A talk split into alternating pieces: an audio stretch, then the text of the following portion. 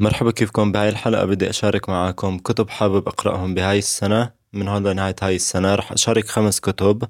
رح يكون منهم كتاب آه، ما له علاقة بالقضية الفلسطينية بس رح يكون في خمس كتب أو أربع كتب لهم علاقة بالقضية الفلسطينية. قررت هاي السنة صراحة حابب أقرأ أكتر بهاي المواضيع.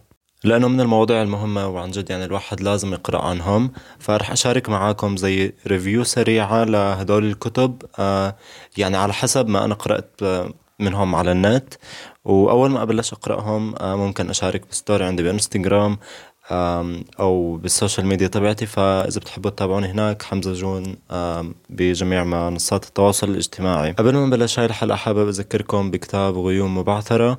آه بتلاقوه بحساب الانستغرام حمزة جون store. طبعا الكتاب حاليا بس متوفر بفلسطين النسخ الورقية. الكتاب عبارة عن نثريات متنوعة بتحكي عن مواضيع متنوعة آه مشاعر بمر فيها الإنسان. مواضيع عن الطفولة الحب الأمل أو المشاعر المؤلمة واللي هي أكيد الجزء يعني الجزء الكتير كبير من التجربة الإنسانية لأنه فعليا دائما في أشياء مؤلمة بتصير بحياة الواحد خصوصا هو عماله بيكبر. تجارب بمر فيها بتكون كتير مؤلمة ف آه، وثقت شوية من هاي الأشياء أو من هاي المشاعر اللي أنا كنت بشعر فيهم بهذا الكتاب بطريقة بحيث إنه لما حدا يقرأهم يحس إنه فعليا هو ما بحس بهذا الشعور لحاله فممكن إنه هذا الإشي يحسسه إنه هو مش وحيد. وبس خلص هيك بكفي نحكي عن الكتاب. هلأ خلينا نبلش هاي الحلقة. أول كتاب رح أحكي عنه واللي هو ما له دخل بالقضية الفلسطينية يعني اللي حكيت لكم إنه مختلف. خليني أخلص منه بالأول واللي هو كتاب A Gentle Reminder هذا الكتاب للكاتبة آه، بيانكا سبارتشينو أتوقع. ما بعرفش اسمها إيطالي أو شي زي هيك. آه، شفت review للكتاب على التيك توك وحبيت أجيبه. لأنه خصوصا آه، كتير قريب من نوع النثريات اللي أنا بحب أكتبهم. فحسيت إنه بقرأه وبستمتع فيه من هون وبستفيد منه. بنفس الوقت بساعدني أشوف يعني أعمل تغذية أكتر ل لعقلي من جانب الكتابة هاي اللي أنا بحب أكتبها بتفيدني بكتاباتي الجاي.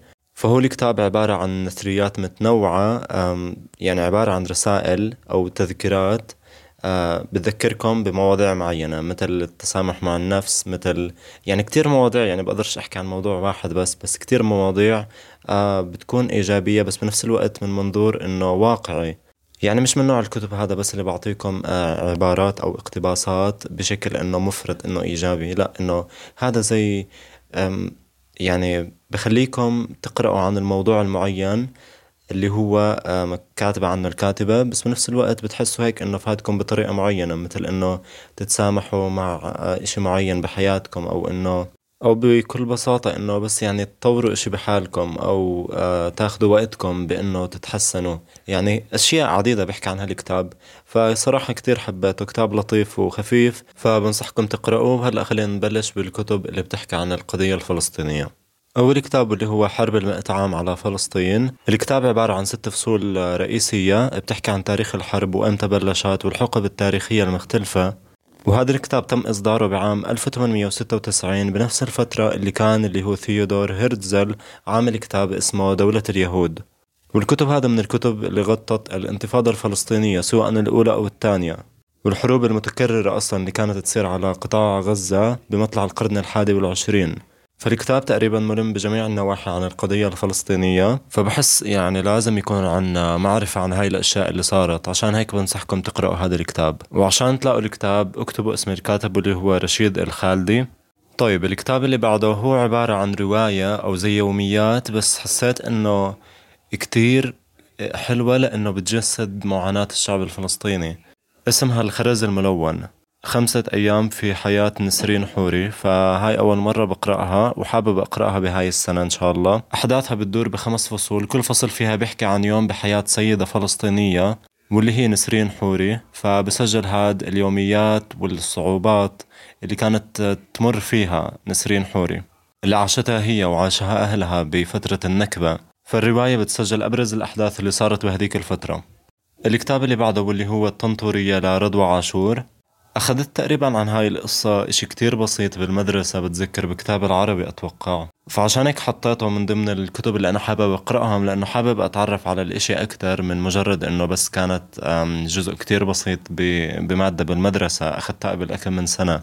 فهذا الكتاب سموه الطنطورية نسبة لقرية الطنطورية الواقعة على الساحل الشمالي الفلسطيني جنوب حيفا. فهاي القرية الموجودة بحيفا تعرضت بعام 1948 لمذبحة على إيد العصابات الصهيونية. فالرواية هاي بتركز على المذبحة اللي صارت بهديك الفترة وهي فعليا من أبرز عناصر هاي الرواية.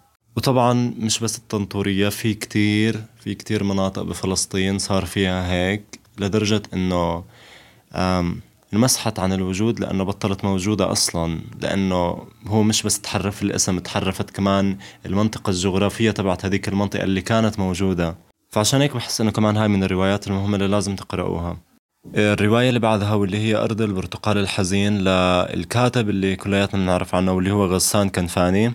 أرض البرتقال الحزين بترسم قصص مختلفة الأوجه للمأساة اللي كان يعاني منها الفلسطيني بهديك الفترة. فهي يعني رواية كاملة أصلا نفس أغلب الروايات اللي حكيت عنهم قبل واللي هي المرآة للواقع اللي عمالنا كلياتنا منعيشه هلأ. سواء منعيشه أو منشوفه بعيوننا الأشياء اللي بتصير. فهي ما بتحكي عن إشي واحد بس بتحكي عن قصص متنوعة بتحكي عن مأساة الشعب الفلسطيني بهديك الفترة واللي أكيد مش بس بهديك الفترة لحديت هلأ. يعني عماله هلأ بصير أقطع من قبل. الكتاب اللي بعده واللي هو الكتاب الأخير رأيت رام الله لمريد البرغوثي.